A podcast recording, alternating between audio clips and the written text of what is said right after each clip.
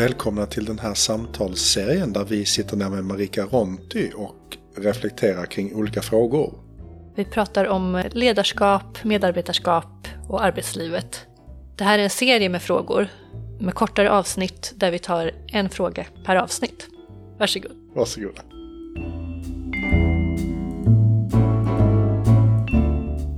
Jo Marika, vi har ju tidigare pratat om trauma med dig här Mm. i podden. Och eh, vi har ju också nu innan precis funderat lite på kriget som har brutit ut nu för ett par månader sedan. Och lite krigets påverkan på både personen och på ledarskap. Och det är mest utifrån en... Min tanke var utifrån en personlig reflektion att jag började känna mig mer orolig märkte jag. När, när kriget bröt ut. Och antingen så kan det vara en känsla som bara jag har eller så kan det vara en känsla som många fler delar. Och vad händer då när, när så många människor blir oroliga samtidigt? Hur påverkar det? Vet du, det är intressant nu när, när du ställer frågan och så tittar jag på dig. Det är, inget, det är bara jag som ser. De som lyssnar vet inte. Men jag kan säga att det var intressant att se hur du, hur, hur du visade med din kropp. För du sträckte ut armarna, du stängde händerna och så drog du armarna till dig. Rädsla. Ja. Så du visade ju också med kroppen att det här är ju otäckt. Så jag stänger mig, visar du. Och det är klart, det är det vi gör. För att det är så, det här är så övermäktigt så att jag klarar inte av det. Så då stänger jag. Och det är det här to shut down. Och att jag förlamar mig själv, stänger ner eller fryser, alltså det där med freeze också.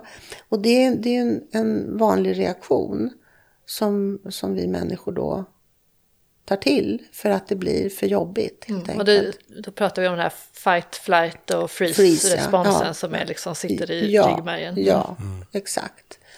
Exakt. Och, ehm, och sen, är det, sen så tror jag också att det är så här att det är en realitet att det pågår och det är en realitet att retoriken är så pass eh, allvarlig så att det är klart det är svårt att negligera det som sägs och det är klart att det triggar igång vår rädsla.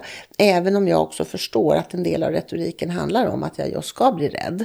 Så därför gäller det ju också att, att kunna ha lite urskiljning. Ja. Men det som är intressant är ju också att precis som du antydde, jag är ju inte ensam om att känna så här, utan vi är nog många som känner så. Och då vet ju inte vi, på en kollektiv nivå, så vet vi ju inte vad den energin tar vägen. Om det är många som går omkring och stänger sig, ungefär som du visade nu, och känner så här, så kan man tänka så här, jaha, och vad får det då för konsekvenser när jag kommer in på jobbet? Jag har med mig det här, fast jag pratar inte om det. För precis som du säger, åh, det här har påverkat mig, har jag märkt, säger du. Och så går du till jobbet. Och sen har vi precis en pandemi som ju inte ens har gått över. Så vi lever ju också i sviterna utav den omställningen. Och det har vi inte heller pratat särskilt mycket om. Hur vi har upplevt och våra rädslor där. Och, och de som kanske har förlorat en anhöriga i samband med pandemin. Och sen har vi då den tredje globala traumatiska krisen som pågår. Det är ju klimatet. Där vi också får rapporter nu eh, lite tätare. Hur, hur allvarligt, hur riktigt, riktigt allvarligt det är. Så, så att allt det här tillsammans gör ju att ja, det är nog ganska klokt att stänga ner. För att inte bli för orolig.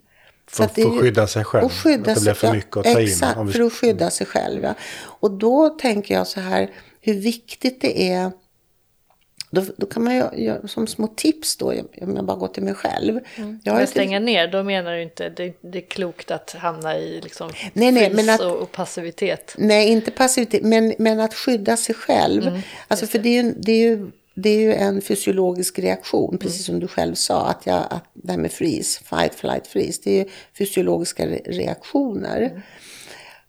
Men, ja, och det är jag medveten om. Men jag kan också välja att då stänga ner. Då menar jag, jag tittar inte på nyheterna varje dag och, och utsätter mig inte för att se dessa hemska eh, barbariska krigsbilder med detta lidande som är, det, det, det är ett helvete helt enkelt. Jag skyddar mig, jag vill inte se det. Så det är ett sätt där jag tar hand om mig själv. Mm. Mm. Lika väl som jag inte lyssnar, jag, jag, är inte ute och söker massa information heller. Och är det så att jag ska söka information så ska jag vara selektiv och försöka vara klok och se, ja men vem ska jag lyssna på, i vilka sammanhang? Så att det, det, det, det, det tror jag är viktigt. Och sen måste jag säga att jag tycker det är oerhört viktigt att, och värdefullt om man också kan lyfta in det här på arbetsplatsen, att prata om det precis som du ställde frågan nu.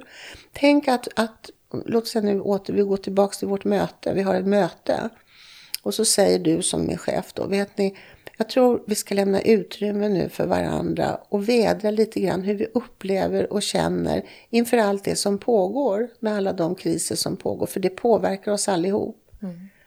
Låt oss prata om det, hur det känns att lämna det utrymmet. Det tror jag betyder, kan betyda väldigt mycket. Och inte låtsas som om business as usual, för det, det är det inte och kommer inte att bli. Mm. Det kommer inte att bli det heller. För vi går in i någonting helt nytt nu. Det är klart att vågar jag se det eller inte? Ja, det låter som ett fantastiskt eh, samtal om någon skulle öppna för det på det sättet ja. på, mm. på ett möte och verkligen kunna mm. hålla det på det sättet. På, ja, på och, ett, håll, och precis som du säger, hålla det mötet. Mm. Att hålla det utrymmet. Jag öppnar upp och bjuder in er att vi tillsammans ska kunna vädra det. Och jag håller det. Mm. Jag håller det. Det här ser jag som en otroligt värdefull en värdefull insats för en god arbetsmiljö. Mm.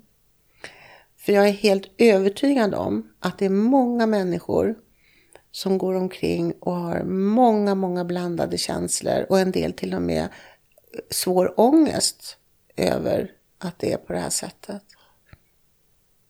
Mm. Och då tänker jag också bara så här, skillnaden om man ska så här, att hålla det och att mm. inte göra det. Att mm. inte göra det är då att eh, ja det är skit, fasen, nu går vi mm. vidare. Ja. Just det. Och vet du vad det också är Maria? Mm. Det är att egentligen så är det att jag bryr mig inte om hur du känner. Mm. Jag vågar inte prata om det, mm. så jag försvarar mig och säger det är skit eller vad, hur, mm. man nu vill, hur man nu vill uttrycka sig. Eller det här, ja men det här berör ju inte oss. Ja, men om jag väljer att ha ett sådant förhållningssätt så betyder ju inte det att det är ett bra förhållningssätt för alla oss andra. Nej. Så det är också det här att visa den här respekten för att vi faktiskt är känslovarelser. Att vi upplever saker och ting på många olika sätt och att vi behöver ha utrymme även där att prata om sånt som berör oss, för det påverkar oss i vårt arbete. Det gör det ju. Mm. Jag tänker på alla de fantastiska människor som, som jobbar inom hälso och sjukvården till exempel. Vad de har fått stå ut med under de här åren och varit pressade och blivit tvungna att ställa upp och inte kunna vara med sina familjer på, på det sätt som de har velat. Alltså, mm. det är ju, men det är ju hemskt. Och, och bara det att att där och de varje... kanske också varit riktigt nära rädslan för att själva bli sjuka ja, men och visst, dö. I... Ja men visst, ja men visst. Att, Nej, jag tror, där, tror jag att, där, där tror jag att det kan komma ett bakslag faktiskt. Eh, att eh, vi just inte har lämnat det utrymmet så kan det komma ett bakslag i att man, det här med psykiskt ja, inför, ohälsa. Ja. Mm, mm, mm. Det var en sak jag funderade på.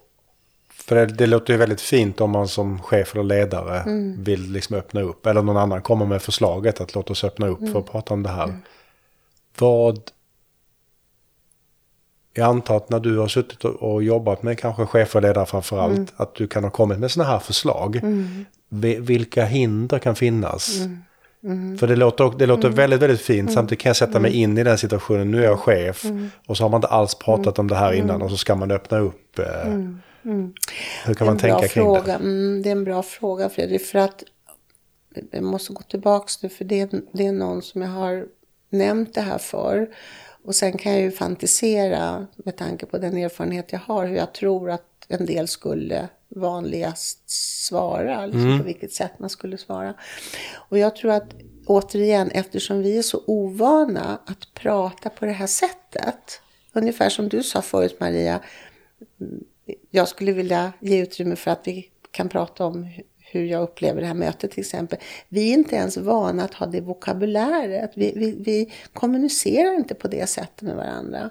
Så att komma med ett sånt här förslag, det känns ovant och i och med att det är ovant så kan det bli obekvämt och i och med att det är obekvämt så vet jag inte vad jag ska säga och då kanske jag blir, famlar jag och så väljer jag hellre att låta bli. Mm. Och då går jag tillbaka till det tror jag som du sa för en stund sedan Maria, men egentligen är det så enkelt att bara säga vad, så här tänker jag. Ja men det är ju faktiskt så mm. enkelt, egentligen är det ju mm. det. Mm. Bara, för, och då är vi tillbaka till, om jag är i en trygg miljö så kan jag ju säga det. Mm. Och jag gillar också det här att ställa mm. frågan. Mm. Vad säger ni? Ja. Finns det utrymme ja. för att vi ja. pratar lite om hur det här exakt. känns för alla? Mm, precis. Och så man ser lite hur det landar. Ja, visst. Ja, visst. Och, så, och, och fånga det. Och, och jag tror också så här, eftersom det är ovant att prata på det här sättet. Det är ovant att prata känslor och hur man upplever, hur jag känner, hur jag upplever. Så, så tycker jag också att vi ska vara generösa och lämna utrymme för och ha förståelse för att det är lite sådär, man får pröva sig fram. Det känns lite konstigt i början.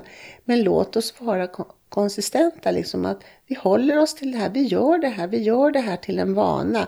Så kan det bli en del av vår kultur så småningom. Mm, just det. Mm. Så, så det är det också, för att jag menar, kulturen uppstår ju inte över en dag eller två. Mm. Men det är återigen, alltså kultur är ju mylla, mm. det är det vad det betyder. Så att hur, hur jag sköter den här myllan, det, det, det, kräver ganska mycket. Ja, just det. Och det du hänvisar tillbaka till nu, det är förra frågan som handlade om eh, hur man bryter en tystnadskultur. Mm, mm.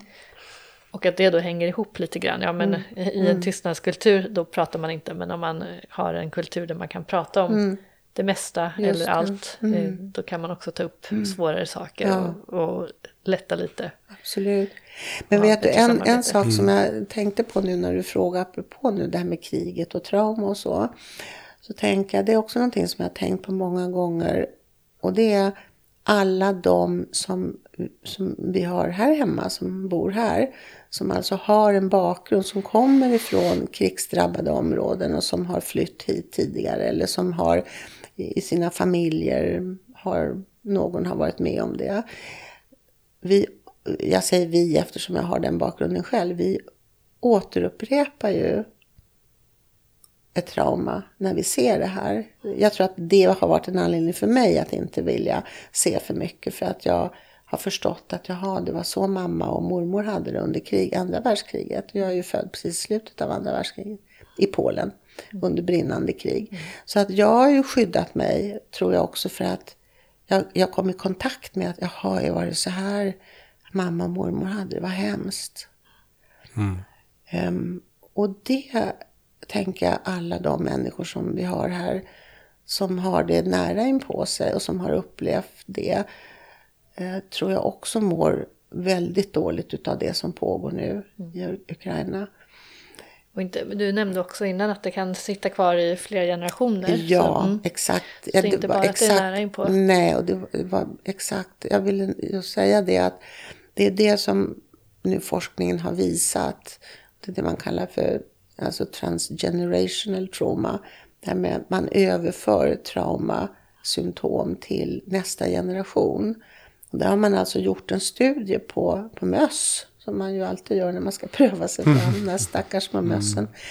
Men där är alltså, de blev utsatta för, för svåra trauman, chock och... Och då visade det sig att det satt kvar i fem generationer. Så att om man då tänker vad som pågår nu och alla de barn som just nu drabbas så är det ju skrämmande. Så, att, så, så då tänker jag ännu att det är ännu viktigare att vi kan föra in det som en del i vår kultur. Att här pratar vi faktiskt om hur saker och ting känns och upplevs. Just det. Det är ingenting vi låtsas som om det inte fanns. Mm. Mm. Men när jag, när jag växte upp, min mormor och min mamma, eh, så, det där ska vi inte prata om. Mm. Apropå tystnadskultur. Ja. Mm.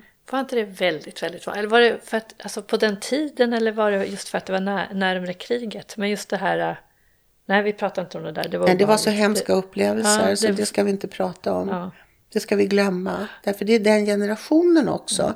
Vi får ju tänka på att vi lever ju, nu är jag ju mycket äldre än vad ni är, men vi generationerna nu och vi också i vår kultur här, vi är ju ändå ganska öppna för att prata om mycket och vädra och saker och tycka massa saker.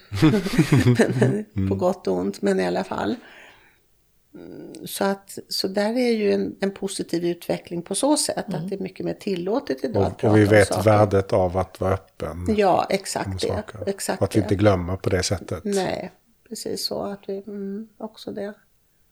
Så att det är ju en, det här är ju, det här är ju också ett intressant, tänker jag, steg i människans evolutionära medvetandeutveckling på något sätt. Att varje epok, varje tids, alltså historisk tidsepok eh, säger ju någonting till oss som gör att vi mm, reagerar, responderar och gå vidare och påverkas och utvecklas. Alltså det är en ständig rörelse kan man ju säga. Det är en ständig rörelse. Och det som pågår nu, eftersom vi har tre globala eh, kriser som pågår nu samtidigt, så, så sägs det ju att det är första gången i människans historia som vi är utsatta för så många globala kriser samtidigt. Det har aldrig hänt förut. Och därför har vi just nu en stor möjlighet att ta tag i det som pågår och att se till att vi klarar av det här.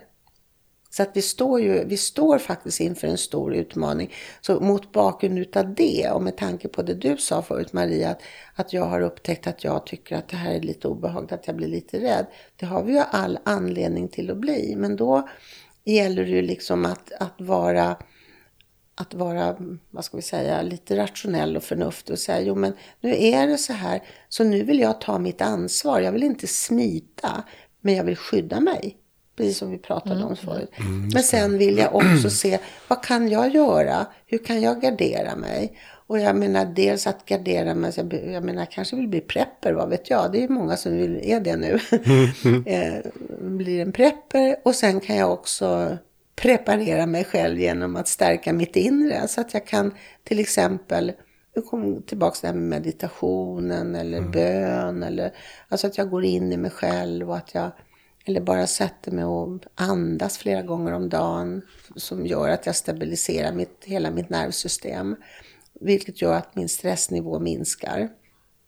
Så där kan jag hjälpa mig själv. Och så får jag kanske utrymme att ge av mig själv till den yttre världen då. Just det. Då på något har, sätt. Just det. Då har, jag, då har jag stärkt mig själv så att jag kan bli en resurs för dig. Jag kan vara I'm at your service. Alltså jag kan, jag kan, just det. Mm. För det är också svårt. Jag kan ju inte vara en, ett stöd för dig om jag inte ens kan vara ett stöd för mig själv. Nej, exakt. Nej, nej, Så det är en förutsättning. Mm, nej, för då blir jag den som skrattar bort ja, frågan. Ja. Eller jag, ja, mm, just det. Mm. mm. Och det är också ett sätt att ta ansvar. Jag kan ju säga så här, jag tycker det här är jättejobbigt. Ja, det tycker jag. Men nu, nu får jag ju ta mitt ansvar och kunna hantera det här på bästa sätt. Och jag väljer att göra det på det här sättet. Och nu har jag ett jobb där jag också är fullt medveten om att det är viktigt att jag är en som bidrar till att också stärk, vara en som en liten pusselbit som stärker bidrar till en god arbetsmiljö som stärker gruppen eller som vad det nu är. Alltså jag, jag vill vara ett vi. Jag vill tillhöra, jag, jag vill tillhöra den här gruppen. Och då har jag ett ansvar. Och då går jag in för det på mitt sätt som gör att jag kan sprida till exempel att ställa den där frågan som du sa förut. En reflektion som jag vill göra bara det är just det här med att skydda sig själv. För att jag upplever att många, i alla fall jag själv och många har pratat med, särskilt när kriget bröt ut, man blev väldigt nyhetsfokuserade. Man mm. nästan liksom följer mm. i realtid vad händer hela tiden. Och, och det kanske fyller någon funktion. Men jag gillar det här tankesättet att man kan också skydda sig lite utan att för den sakens skull stänga av Exakt. och inte vilja Inte bidra låtsas- och inte nej. låtsas om. Nej, utan, Inte låtsas- men att nej. Mm. skydda sig är viktigt för att orka det andra. Ja, och, då, och, och, precis som du sa, bidra, för det kan man göra på många, jag menar, det har vi väl alla gjort, skickat pengar hit till höger och vänster och som ska stödja. Skicka matpaket och skicka kläder och allt sånt där. Utrymme hemma för de som kan och så. Så det, så bidraget så, det är ju många som har gjort. Men det är också att bidra att kunna hantera situationen. För att vi, för att precis som du sa förut Maria, det här påverkar oss allihop och det gör någonting med mig och jag är här och än så länge så har vi fred här, tack och lov. Eh, och, och låt oss verkligen hoppas att det, att det så förblir. Men det har ändå påverkat mig och rört om i mitt inre som gör att jag inte blir lika tillgänglig i det yttre på den plats där jag verkar. Och där har jag ett ansvar gentemot mig själv och gentemot er. Så att, så att det är det också, att kunna se det även i ett sådant sammanhang. Så att, så att man inte bara blir fokuserad på